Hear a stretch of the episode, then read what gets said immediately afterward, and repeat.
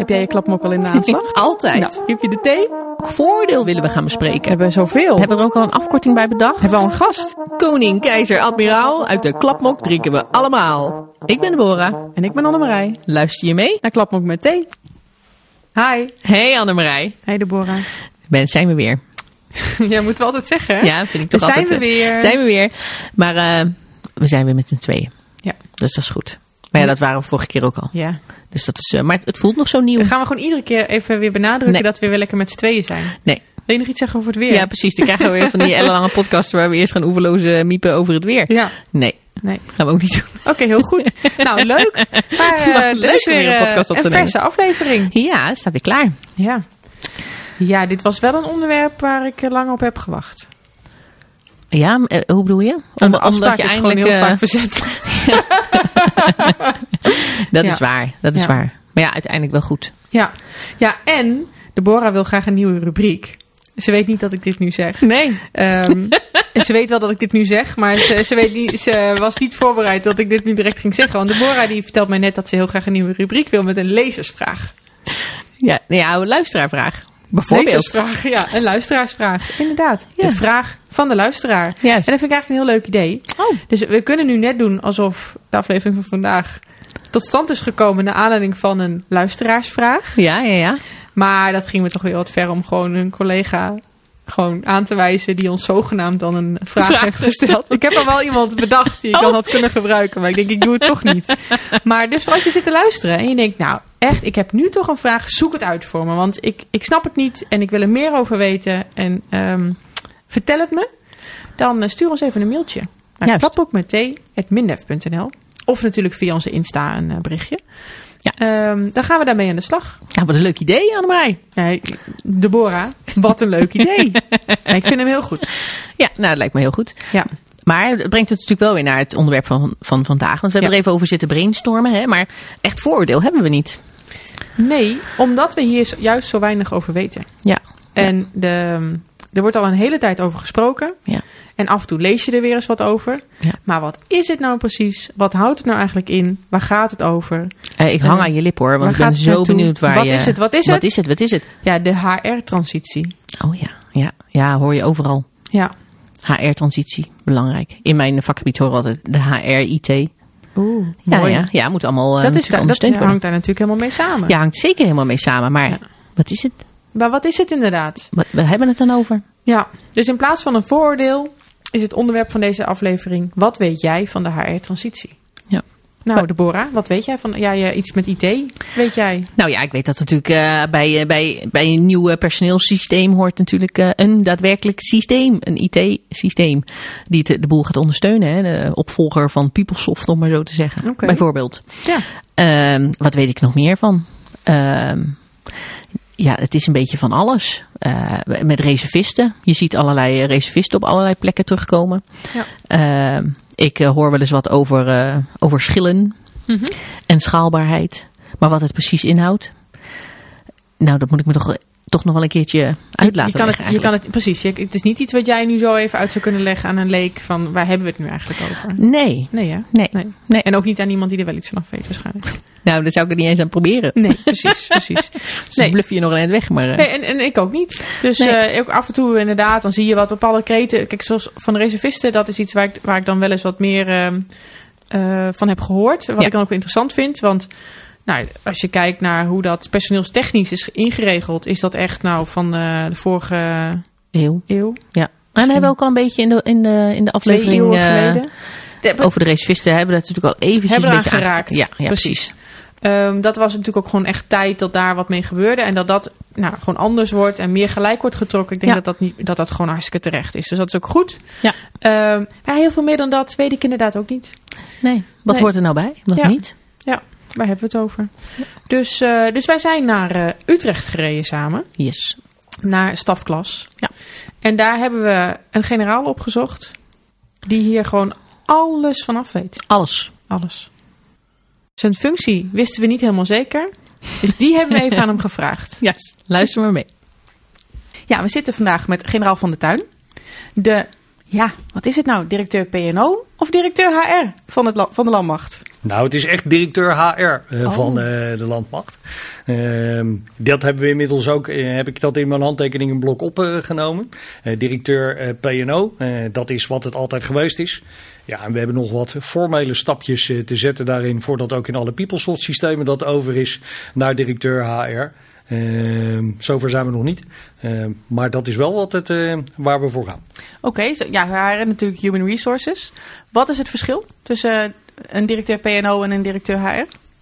Nou, eigenlijk is het zo dat als je naar PNO kijkt, het oude personeel- en organisatievak. Want dat is natuurlijk waar het, eh, waar het vandaan komt. Ehm, dan is de doorontwikkeling naar HR gaat, zet veel meer de mens centraal binnen de behoeften van de organisatie. En dat is ook wat we graag willen eh, als HR-community eh, van de Koninklijke Landmacht. Oké, ja, de mens centraal die hebben we natuurlijk vaker gehoord. Die komt vaker voorbij. En ehm, maar zit hier dan ook een link met de HR-transitie?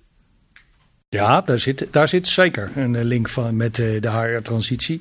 Kijk, ik heb uh, in de afgelopen periode eerst natuurlijk twee jaar lang transitiemanager van de HR-transitie mogen zijn binnen deze directie voordat ik directeur werd. Ehm, en bij de HR-transitie is dat precies eigenlijk waar het over gaat. Eh, doel van de HR-transitie eh, is uh, het verbeteren van de personele gereedheid van de landmacht. door beter in te zoomen op de talenten van onze mensen en gebruik te maken van die talenten van onze mensen. En de aantrekkelijkheid als werkgever te vergroten. dat zijn de dingen die ook onze staatssecretaris aan de Kamer gebracht heeft. En dat is een prachtig vertrekpunt. En ik denk ook een noodzakelijk vertrekpunt om de landmacht voorwaarts te helpen ja, daar ben ik het, kan ik het natuurlijk nooit mee oneens zijn. Want het klinkt natuurlijk allemaal heel erg uh, goed. Maar het klinkt ook wel een beetje wollig. Want wat, wat houdt het nou eigenlijk in? Wat, wat, wat, wat doen we dan eigenlijk? Wat, uh, wat, wat, kan ik dan, wat kan ik dan verwachten? Ja, als je kijkt naar de uh, onderliggende elementen van uh, de HR-transitie, dan gaat het over strategische personeelsplanning, het gaat over strategisch talentmanagement, het gaat over HR-analytics. Uh, dus dat zijn allemaal uh, ook best wel grote containerbegrippen. Ja. Maar als je dan gaat kijken naar, oké, okay, en wat merk je daar dan nu en hier van? nou, laat ik een voorbeeldje geven. afgelopen week zijn de HR-dashboards voor commandant en HR-professionals zijn live gegaan. Uh, hebben we gepresenteerd. Heeft het team wat dat gemaakt heeft, heeft dat gepresenteerd in de Landmachtraad. En dat betekent nu dat al onze commandanten in het land tot en met bataljonsniveau inzage hebben in hun eigen rechtstreeks op dashboards, in hun eigen personele bezetting ten opzichte van de organisatie. ze kunnen daar het gesprek over voeren. de data is heel snel beschikbaar, zodat ze er makkelijk bij kunnen. En dat was voor die tijd was dat allemaal niet zo. En, en, over welke data heb ik dan? Want ik ben het nu een beetje aan het visualiseren voor mezelf. Hè? Want als ik, als ik denk aan. Nou ben ik nog uh, geen bataljonscommandant uh, geweest. Dat hoop ik natuurlijk ooit nog, nog, niet. nog Precies, precies, precies. Ooit, ooit, wie weet is het voor mij weggelegd.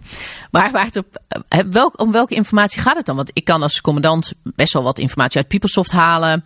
Ehm, wat is dan die, die dashboard informatie waar ik dan als commandant mee kan sturen? Hè? Want is dit ook een onderdeel van commandant in zijn kracht? Het zijn misschien nu wel 36 vragen in één, begrijp ik. Maar, uh, wat, wat, wat, wat, brengt dat dashboard mij dan precies? Welke informatie die ik nog niet had? Nou, ik denk dat uh, iets wat iedere uh, kompiescommandant of bataljonscommandant wel uh, herkent, hè, is dan, ga je, dan vraag je om een formatie- en bezettingsoverzicht om jezelf nou eens goed te informeren over hoe zit dat dan precies.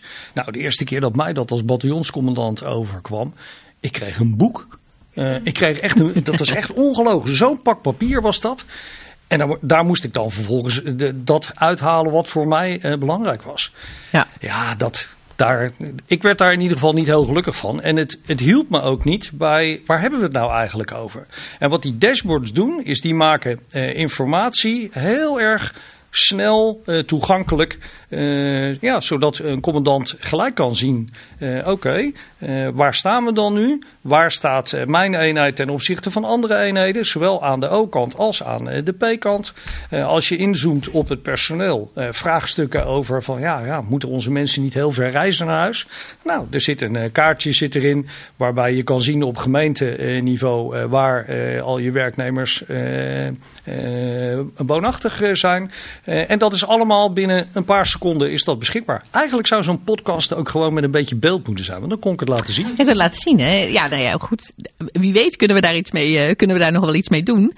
Maar ik, eh, ja, ik kan me voorstellen, dus eigenlijk alle data eh, kun je dus zeg maar opvragen op, op, op een manier zoals je, dat je er zelf informatie uithaalt. Dus het helpt je eigenlijk analyseren van dat hele boekwerk. ja, dat is Ja. denk ik wel goed. Ja, het, het, is, het helpt je bij het analyseren. Het helpt je bij het vergelijken eh, met eh, andere eenheden. En dat, die vraag die krijgen we ook eh, vaak. En het is actueel. Ja. Wat je ziet is dat ook als directeur HR, weet je, dan heb je natuurlijk best vaak vragen die over, over data gaan, over vullingspercentages, over nou ja, waar moeten we nou keuzes maken en waarom dan precies. Ehm, ja, en eh, we hebben daar een, eh, een groep mensen voor de bestandsanalyseclub hier binnen de directie. Ja, die dan echt uit heel veel verschillende databases allerlei informatie moeten halen. En dat kost gewoon tijd. Daar Ja. kunnen die mensen niks aan doen, maar dat is gewoon heel bewerkelijk. En nu Ja. is het veel minder eh, bewerkelijk. Ja. Maar goed, het was pas stap 1. vorige week hebben we die eerste stap gemaakt, maar het is wel een hele mooie stap. Eh, waarmee het ook heel zichtbaar wordt voor commandanten op eh, de werkvloer. En waarbij je dus de commandant de tool geeft eh, om zelfstandig dingen te kunnen gaan doen. En dat is wel echt heel belangrijk. Ja, ja, want dat vind ik dan mooi. Hè? Want ik, ik zei net, hè, commandant is een kracht. Dat is eigenlijk iets wat we altijd, eh, wat we altijd roepen. Hè? En dat vinden we allemaal heel erg belangrijk.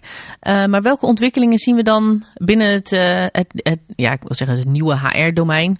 Maar zo nieuw is dat waarschijnlijk ook niet meer. Want het loopt natuurlijk al heel lang. Maar wat, voor, wat voor concrete eh, tools of dingen heeft een commandant naast dat nieuwe dashboard nog meer? Nou, dat dashboard is natuurlijk een middel om, eh, informatie, eh, om informatie om te kunnen zetten in, eh, in acties. ja. Ehm, maar ik ben altijd erg van taken, verantwoordelijkheden en bevoegdheden moeten in balans zijn met de middelen die je daarvoor krijgt. Eh, nou, dat is nog lang niet altijd het geval. Ook binnen de Koninklijk Land mag niet. En daar gaan we met elkaar in de komende periode echt wel eh, stappen in eh, zetten. Nou, laat ik een voorbeeld geven. Ehm, we willen er echt naartoe dat commandanten de beschikking krijgen over formatiebudgetten. En zodat commandanten ook zelfstandig besluiten kunnen nemen op basis van de omvang van het budget wat, wat ze hebben. Nou, dat is nu nog niet het geval. En wat je ziet is dat we daar met elkaar ook nog een hele ontwikkeling in eh, door zullen moeten maken. Onze HR-community is nog niet zo erg gewend om, is nog niet zo erg eh, gewend om eh, met hun besluiten financiën daar een plekje in te geven. En andersom zijn de mensen die eh, nu in de eh, FNC-wereld werken, in de finance- en control-wereld eh, werken, nog niet zo heel erg gewend om met P-gegevens om te gaan. Nou, wat we doen is, we brengen die twee werelden brengen we bij elkaar.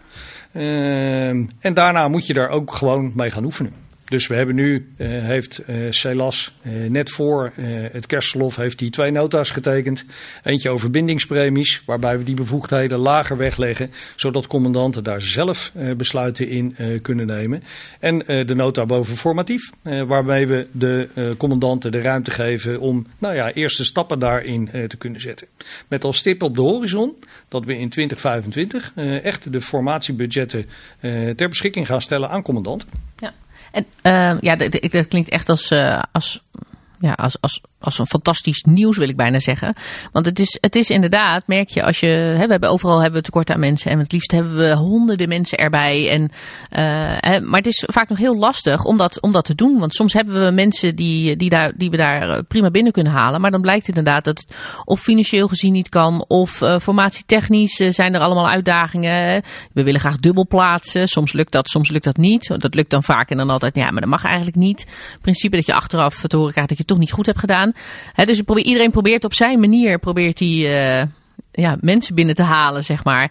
Uh, maar dat, dat geeft best wel uitdaging. Maar ik begrijp dat het dus wel makkelijker gemaakt gaat worden uh, voor een commandant, omdat hij er zelf wat meer uh, zeggenschap over krijgt. Omdat hij er ook de financiële middelen voor heeft. Ja, dat is zeker zo. Waarbij het trouwens niet zo is dat dan alle complexiteit gelijk weg is. Nee, jammer. Nee. nee. maar begrijp ik. Zo, zo eerlijk moeten we naar elkaar ook zijn. Ja, precies. Weet je, het is uh, in de tijd uh, waarin we nu zitten, ja. uh, waar we best nog wel de nodige schaarste hebben, ook als koninklijke landmacht. Ik bedoel, de andere defensieonderdelen ook, maar dat speelt ook bij ons echt wel.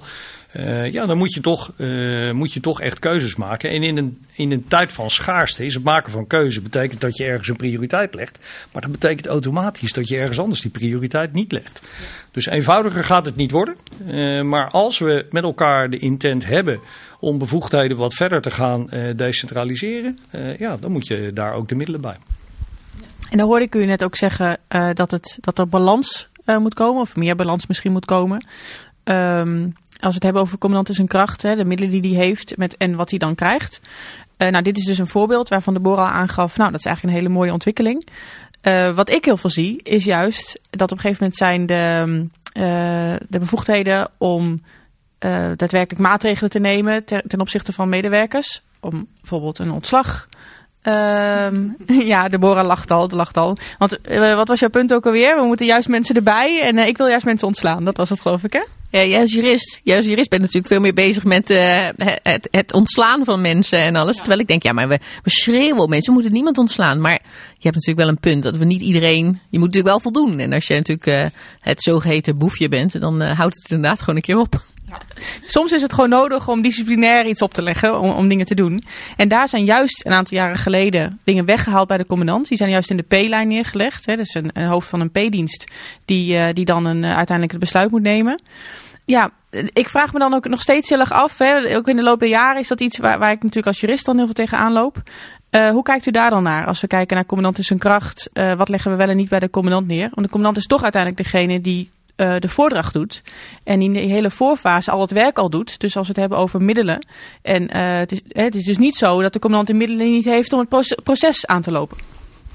Nee, Kijk, we zitten, uh, zo eerlijk moet ik ook zijn, hè, we zitten daar nog uh, middenin in dat hele proces. Dus ik kan nog niet van, uh, van al die verschillende deelgebieden vertellen waar het precies gaat eindigen. Ehm, daarvoor zitten we echt nog in de analysefase. Wat ik wel kan doen is ik kan de richting aangeven. En de richting is wat ik net zei. En dat is ook de richting die de Landmachtraad ons als directie meegegeven heeft. kijk naar op welke manier we personele bevoegdheden zoveel mogelijk kunnen decentraliseren.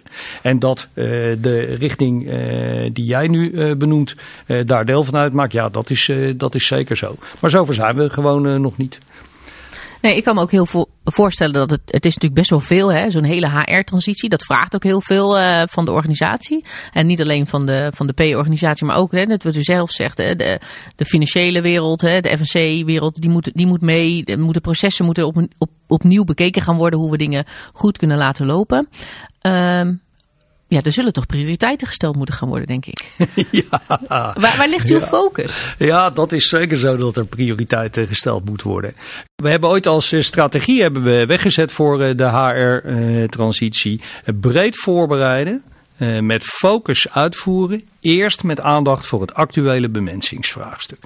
Dus dat is de strategie die we echt al, al jaren zeg maar, in het klashuis hanteren.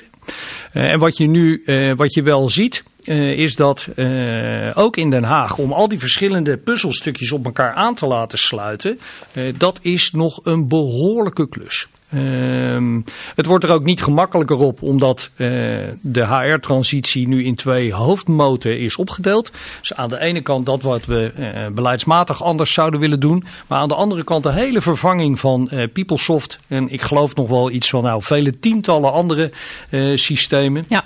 Uh, die vervangen moeten worden. Ja, dat maakt het ook allemaal niet heel veel eenvoudiger.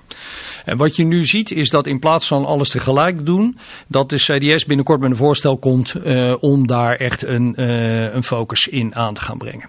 Wat voor ons als landmacht van belang is, is dat uh, we dan wel beginnen met het fundament waarop je het huis bouwt. En in zoiets als een HR-transitie is dat het dienstverleningsmodel. Dus de vraag wie doet nou precies wat binnen de HR en heeft daar welke bevoegdheden in, is de vraag waar je mee moet starten voordat je al die overige elementen elementen uh, daarop aan uh, kan uh, laten, laten sluiten. Komt nog een dingetje bij. Dat is dat je ziet dat ehm, het opnieuw inrichten van dat HR-werkveld aan de ene kant. Maar ook de dynamiek van alle dag aan de andere kant. Die werelden die beginnen bij elkaar te komen. Ja. Dus als het gaat over het versterken van de personele gereedheid, ja, daar is nu en hier ook echt belang bij.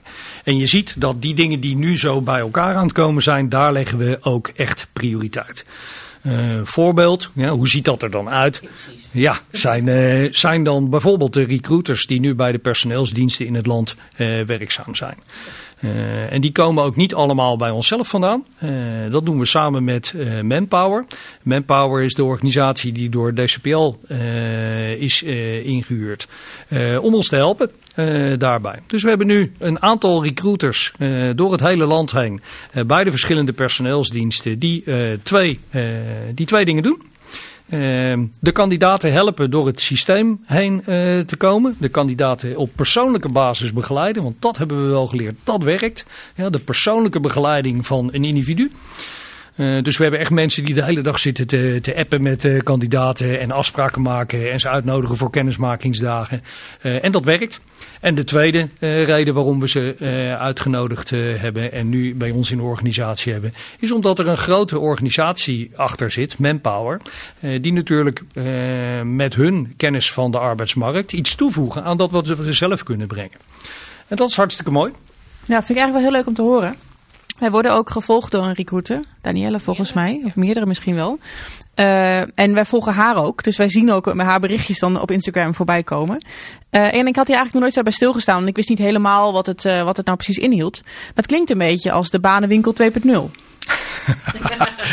ja, dit hadden we natuurlijk van tevoren niet besproken. Maar wisten jullie dat? Ik ben een oud hoofd banenwinkel. Oh, nee, dat wisten we niet.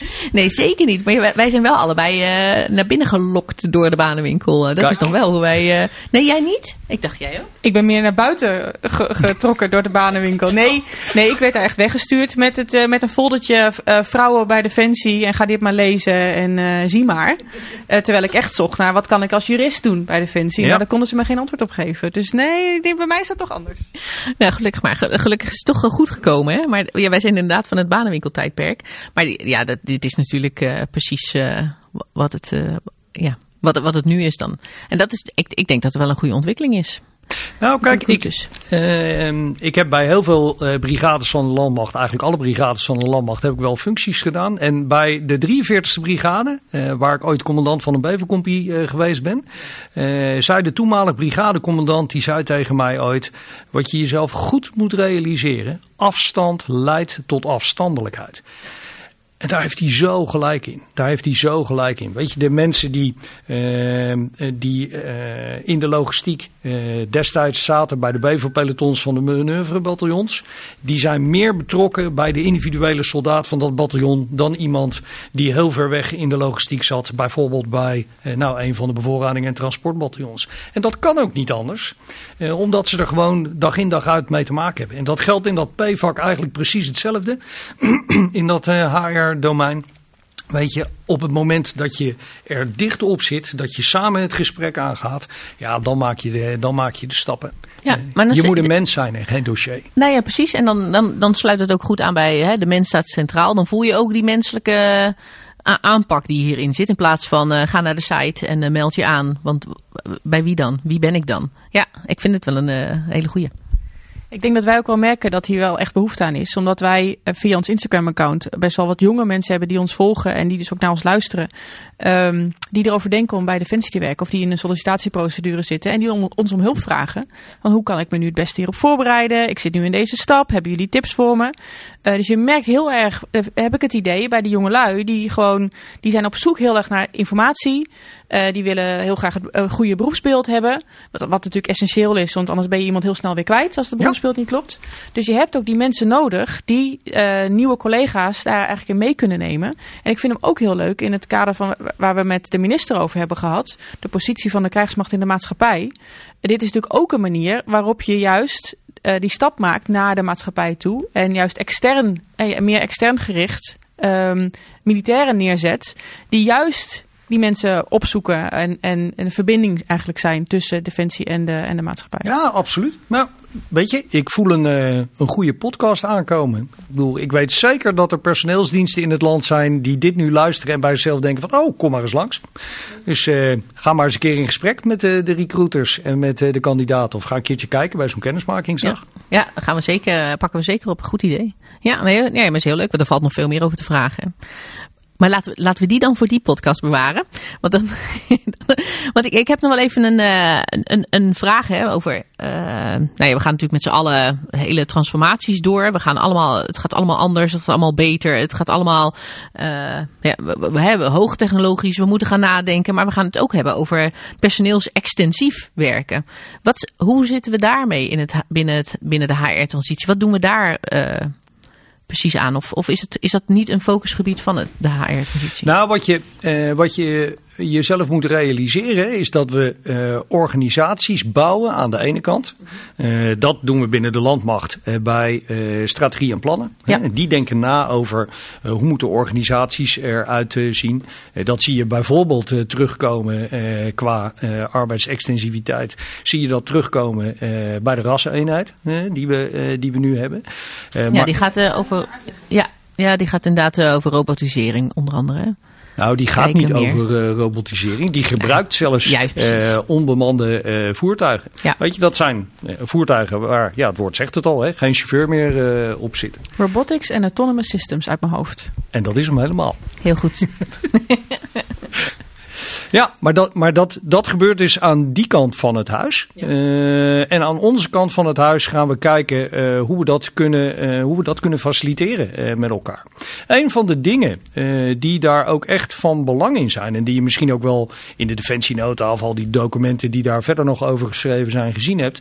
Is dat we als landmacht ook graag schaalbaar willen zijn. Ja. Kijk, een van de manieren om uh, arbeidsextensief te zijn is ook dat niet iedereen 24/7 uh, hier aanwezig hoeft uh, te zijn. Maar, maar, dat is, maar dat is wel een beetje gek. Daar zou ik graag met u nog even wat dieper op in willen gaan. Want ik hoor wel vaker schillen en schaalbaarheid.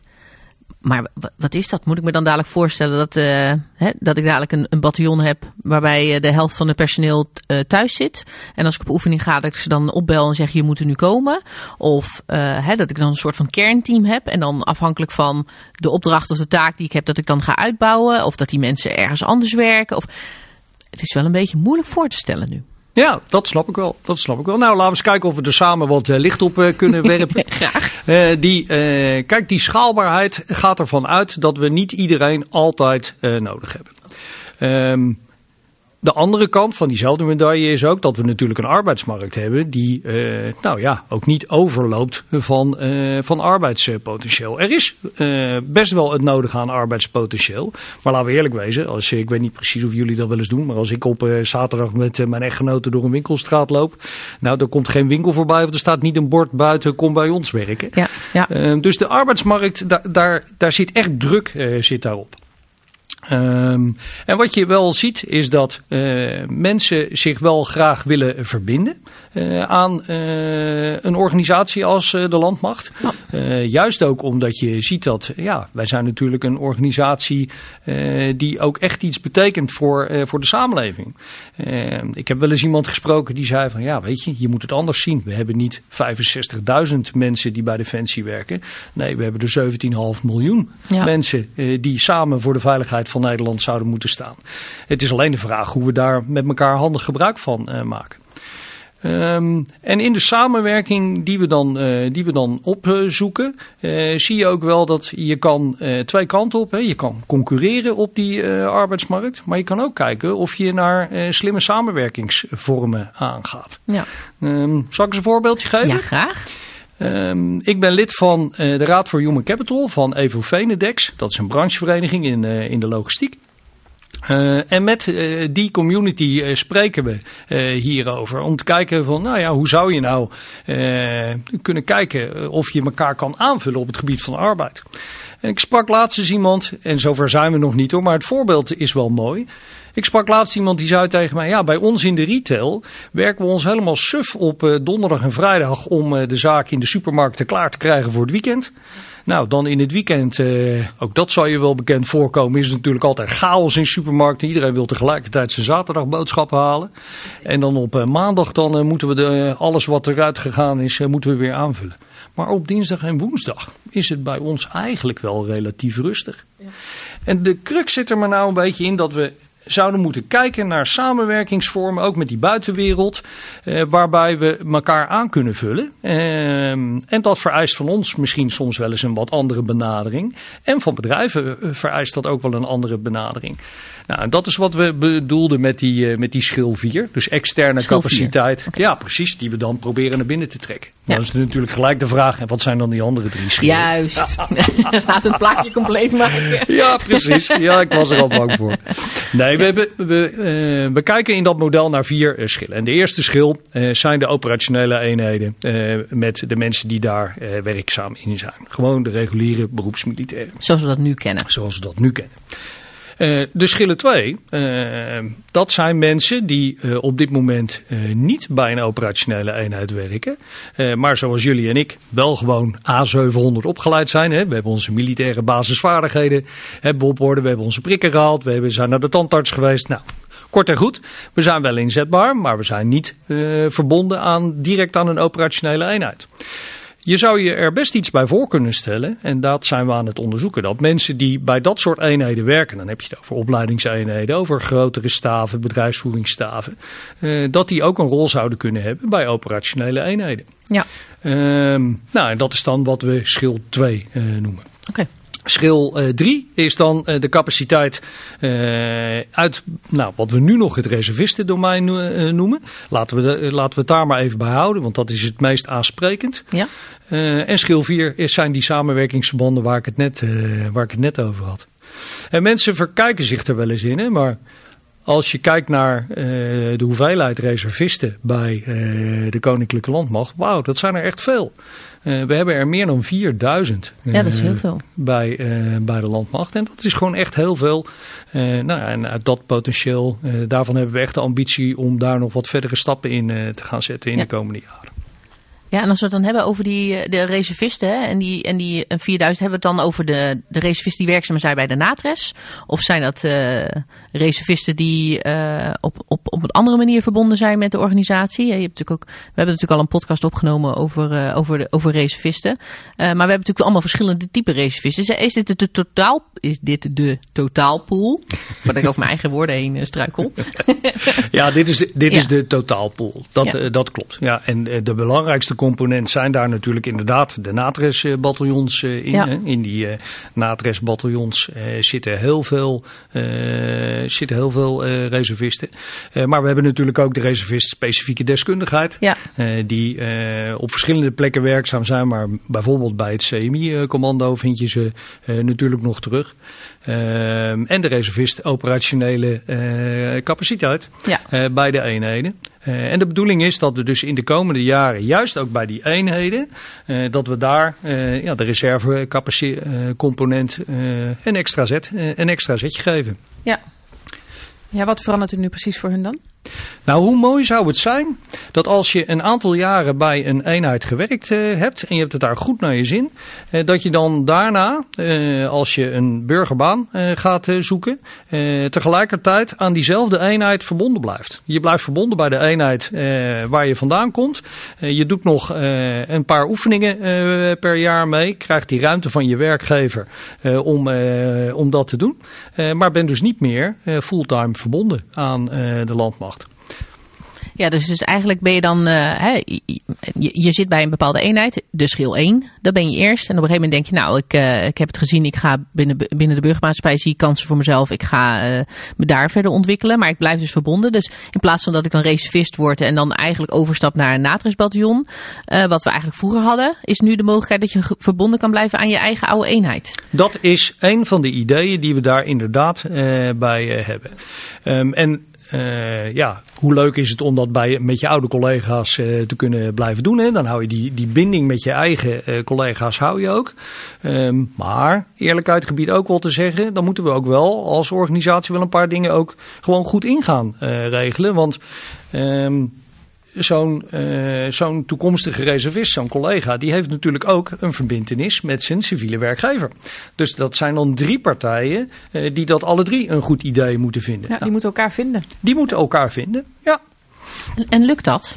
Wat zien we daarvan van terug?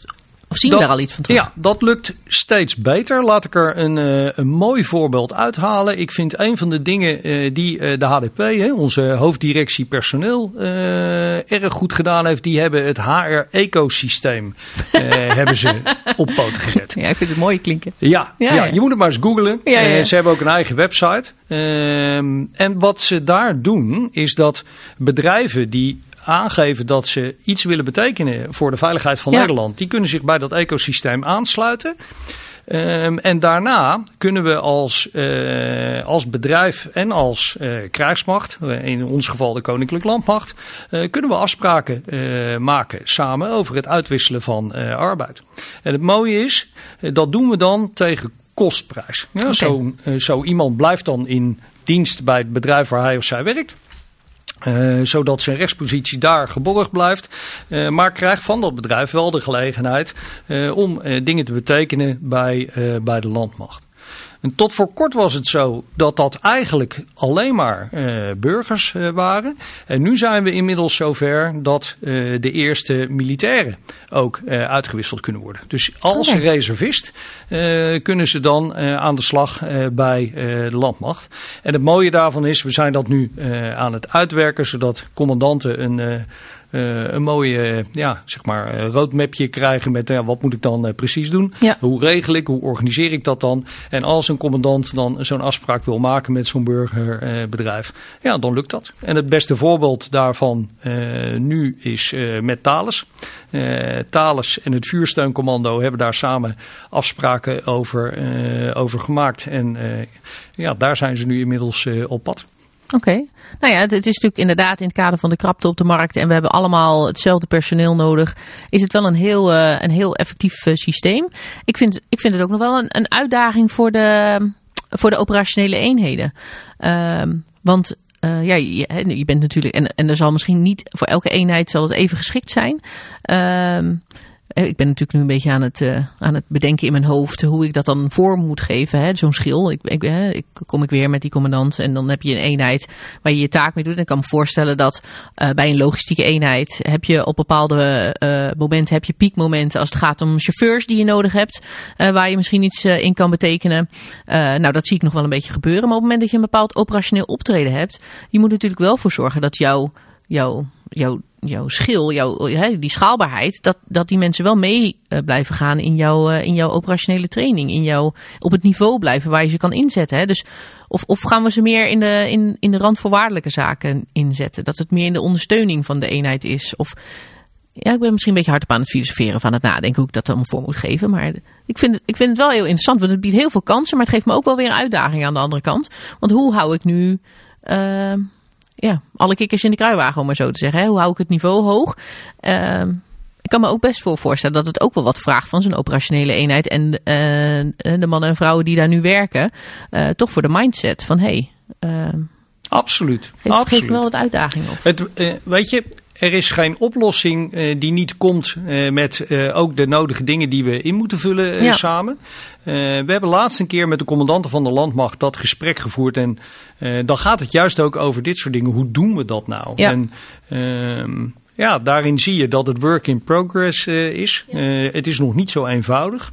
Um, en wat je ziet is dat uh, commandanten toch ook wel forward leaning zijn om te kijken van, nou ja, weet je, we moeten ook gewoon eens anders kijken naar arbeid met elkaar. En laten we kijken hoe we zoiets werkbaar kunnen maken. En dan zit er bijvoorbeeld nog wel een verschil tussen uh, iemand die rechtstreeks uit burgerleven komt uh, en iets bij ons wil gaan betekenen, die je helemaal van nul af aan op zal moeten leiden, versus iemand die al zijn kwalificaties al heeft, die ons bedrijf gaat verlaten en daarna zegt van nou laat mij nog maar een paar jaar verbonden zijn als reservist aan deze organisatie, want Ja, die is al helemaal opgeleid. Ja. Dus dat zijn andersoortige vraagstukken, Ja. maar je hebt zeker gelijk dat we daar nog best een aantal dingen in op moeten lossen ook. Ja, ja maar het, het biedt tegelijkertijd ook echt mega veel kansen.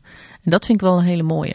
Hè, met ook die ervaring. We hebben het vaker. Hè? We hebben het ook in een eerdere aflevering wel eens gehad over het gras is groener eh, bij de buren. Ehm, dat het ook wel eh, wat meebrengt. Het is natuurlijk aan de ene kant heb je de ervaring vanuit, eh, vanuit Defensie.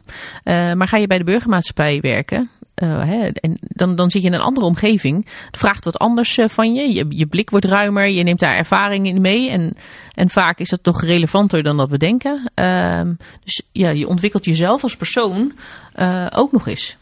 Ja, Ja, ja. ik vind het wel goed. Het moet natuurlijk niet te aantrekkelijk worden. Hè? Dat, eh, Nou ja, hebben, dan hebben we een probleem in onze schil 1.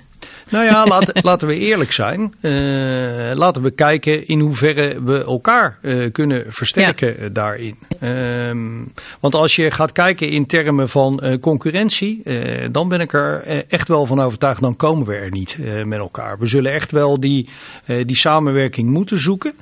En we hebben echt iets te bieden ook als, als landmacht. Laat ik Ja, een voorbeeld absoluut, geven. Eh, van de week hebben we een, eh, een sessie gehad met wat mensen van buiten ehm, bij het eh, bevoorrading en transportcommando in, in Garderen. En daar stond een corporaal, heeft daar een verhaal gehouden over wat zijn dagelijkse werkzaamheden waren. Ehm, en dat was gewoon, weet je, dat was echt een keurig verhaal wat hij Ja. daar stond eh, te brengen. En achteraf, eh, we gingen met die groep weer terug de vergaderzaal in. En ik eh, zei tegen de groep, ik zeg van, hebben jullie nou enig idee wat het vooropleidingsniveau van deze man is? Nee, nee, daar hadden ze geen idee van. Ik zeg, nou, dit is een mbo 2er die VVA gedaan heeft. En ze stonden me echt aan te kijken, is dit een mbo 2er? Ja, dit is een mbo 2er. En daar kan ik zo trots op zijn. Ja, want weet je, ehm, ja, hij staat daar gewoon een professioneel verhaal te houden over zijn vak in zijn context. Eh, ja, en ik kan daar gewoon ongelooflijk vrolijk van worden. ja, ja, ja, en waarom niet, hè? Het is, eh, het is gewoon hartstikke goed. Ja. Ja, ik heb nog. eh, Ja, het, het spelen heel veel, heel veel verschillende dingen nu in mijn hoofd. Dus ik ga het even proberen te ordenen. Ehm, ik weet, een aantal jaren geleden waren we ook al bezig met die externe samenwerkingsverbanden. Bijvoorbeeld ehm, met een bedrijf, zo'n transportbedrijf. DSV. dat was hem, ja. En toen waren ook heel veel mensen bang van dan gaan we eh, ook mensen kwijtraken. Of we gaan andere mensen ons werk laten doen. Eh, er waren heel veel, ook nou, social media zie je mensen daar op een negatieve manier op reageren. Maar ik weet ook dat de angst wel bestond, ook als we dit soort verbanden aangaan, dat mensen worden, eh, dat je, dat je toch die concurrentie ook een beetje krijgt. Dat mensen vertrekken. Ehm, dus dat aan de ene kant. Ehm, ja, dus, dus er is af en toe wat angst hè, met, ehm, eh, het met externe bedrijven samenwerken. Dat was er toen. Eh, ik heb nu het idee dat we daar net weer wat positiever naar kijken. Ehm, en, en dus dat is schil 4. En, en ik ben ook wel even benieuwd uw visie op die schil 3, dat reservistendomein. U gaf net al even aan, we noemen dat nu maar even reservisten. Wat gaat er nu, want volgens mij gaat daar nog veel meer veranderen. En gaan we die misschien wel helemaal geen reservist meer noemen.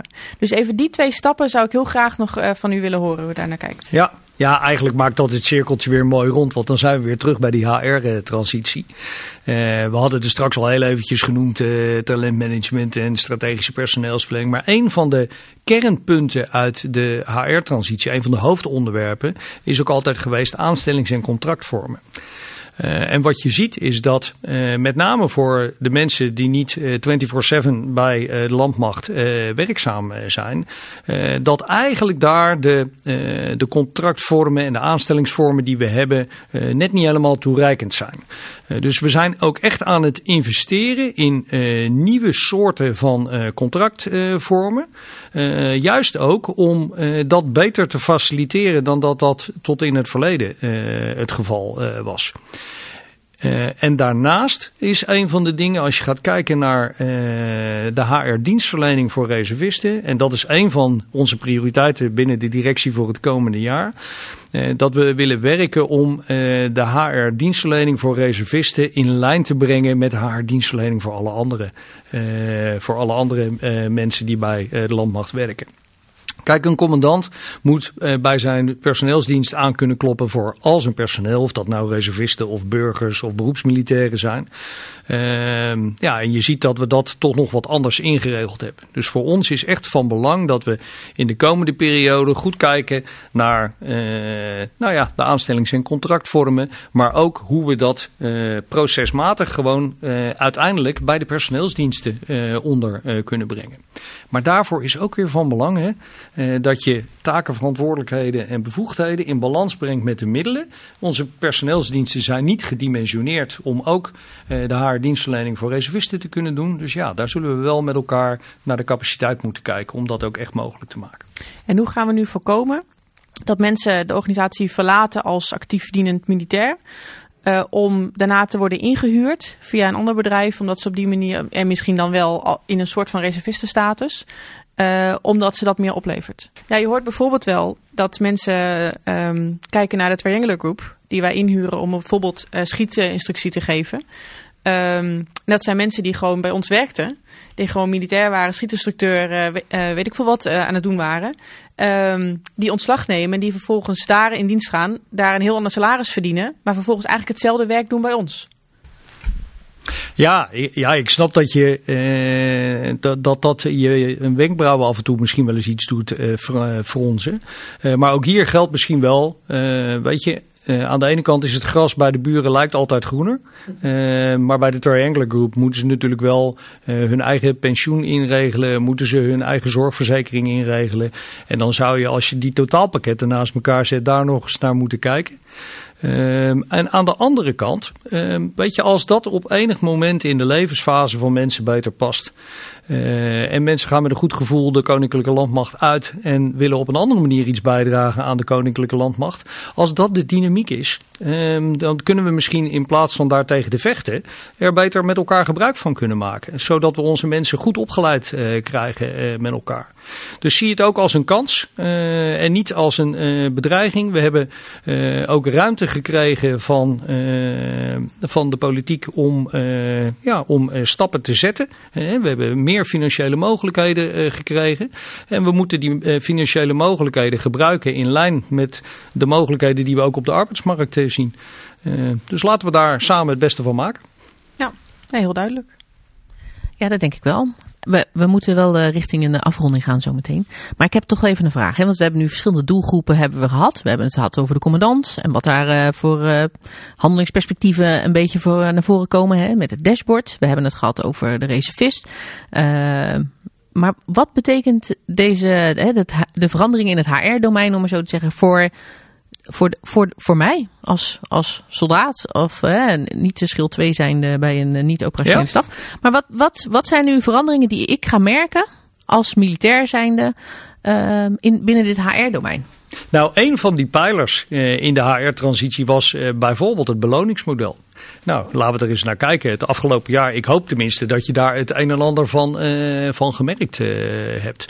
Uh, we hebben echt gekeken naar de kanteling van het loongebouw. Ja. We hebben ervoor gezorgd dat we geïntensiveerd hebben in de lagere rangen. Ja. en dat was ook echt nodig dat we dat, dat, we dat deden. Absoluut. We zijn het gesprek aangegaan en de eerste stappen zijn gemaakt om bijvoorbeeld zoiets als oefentoelagers aanmerkelijk te te verhogen. En datzelfde ja. geldt voor uitzendtoelages.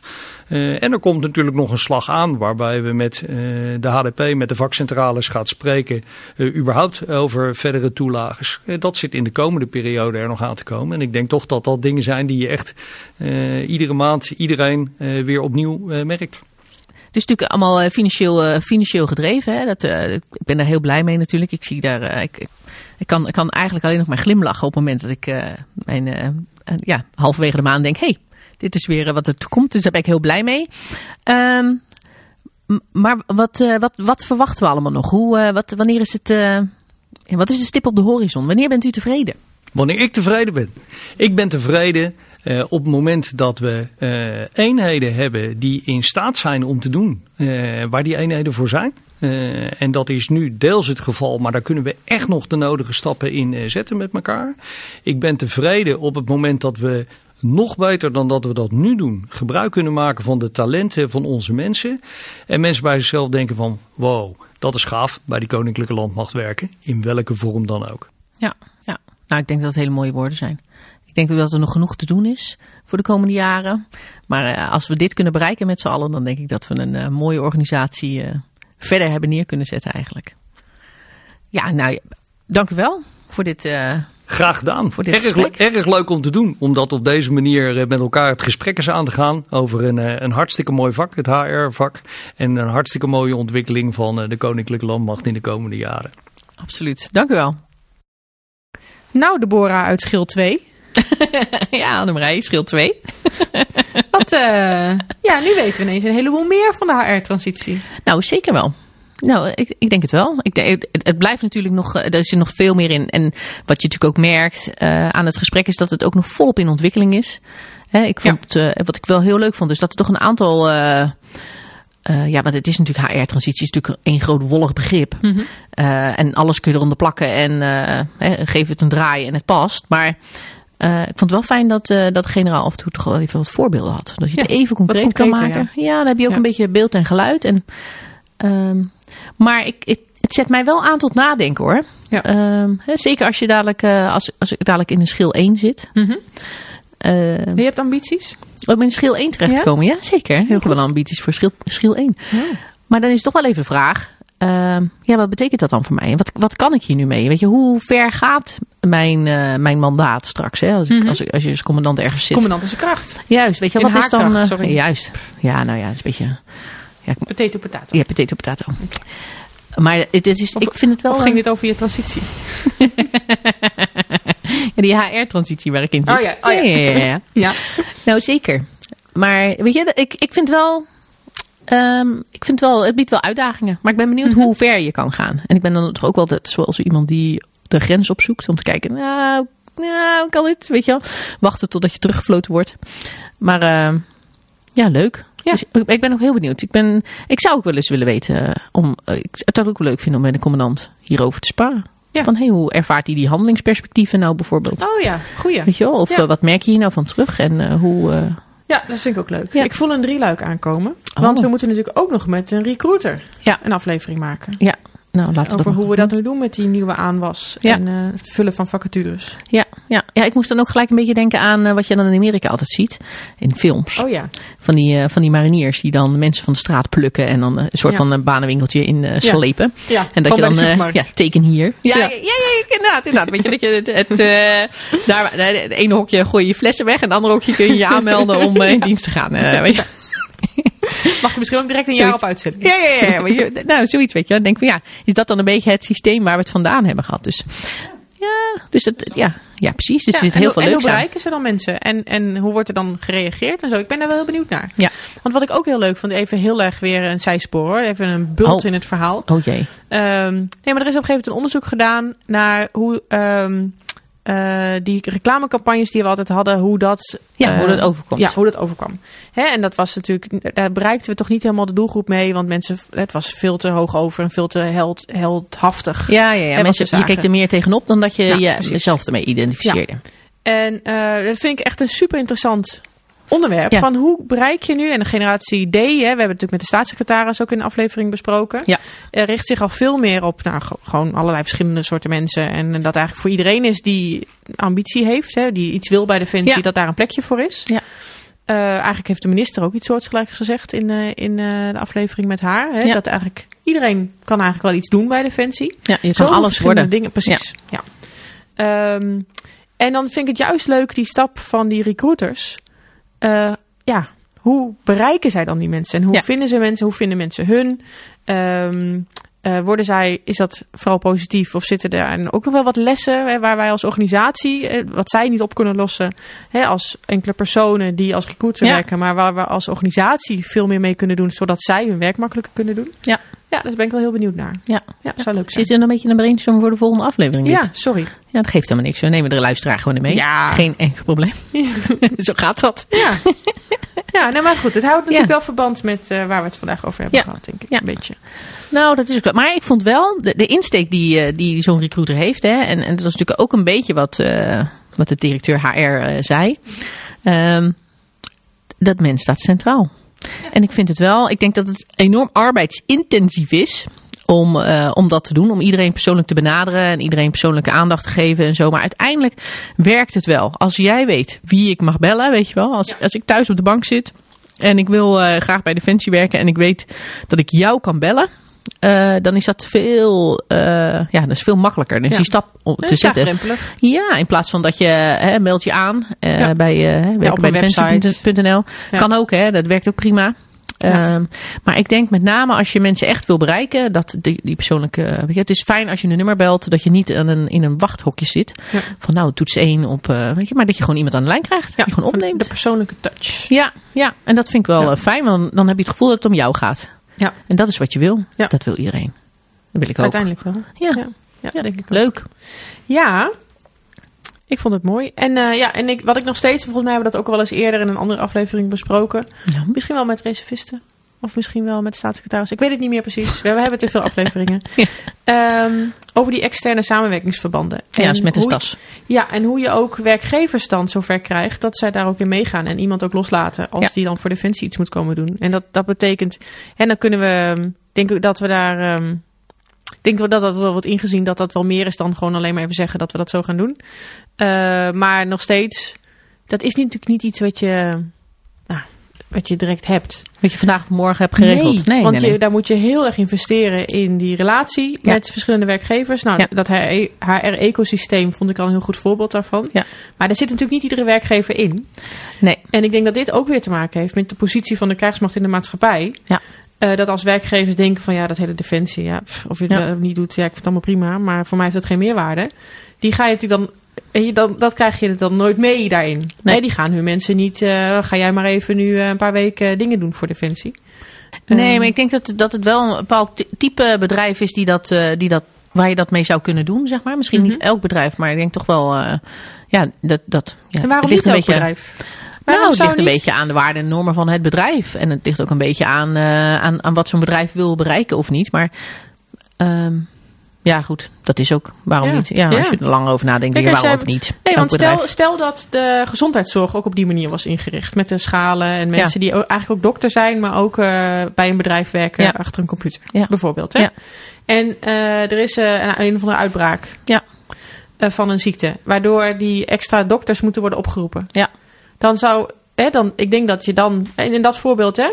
Welk bedrijf Oh, maar zou dan zeggen, nou daar ben ik het eigenlijk niet mee eens. Van ja, ik heb daar niet zoveel mee.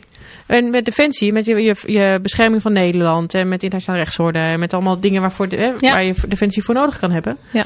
Eh, daar zou je best ook van kunnen zeggen, nou als werkgever moet je, is het alleen maar goed dat je personeel hebt dat dat ook doet en dat daarnaast doet. En Ja. dat je daar, Het past ook een beetje bij de whole of society approach. ja, nou dat. En dat, dat is wel een heel goed, eh, heel goed gedachtegoed hoor, vind ik. En ja, dus ja, dan zou je, als je op basis daarvan zeg je natuurlijk wel dat elk bedrijf eh, zou moeten willen aansluiten.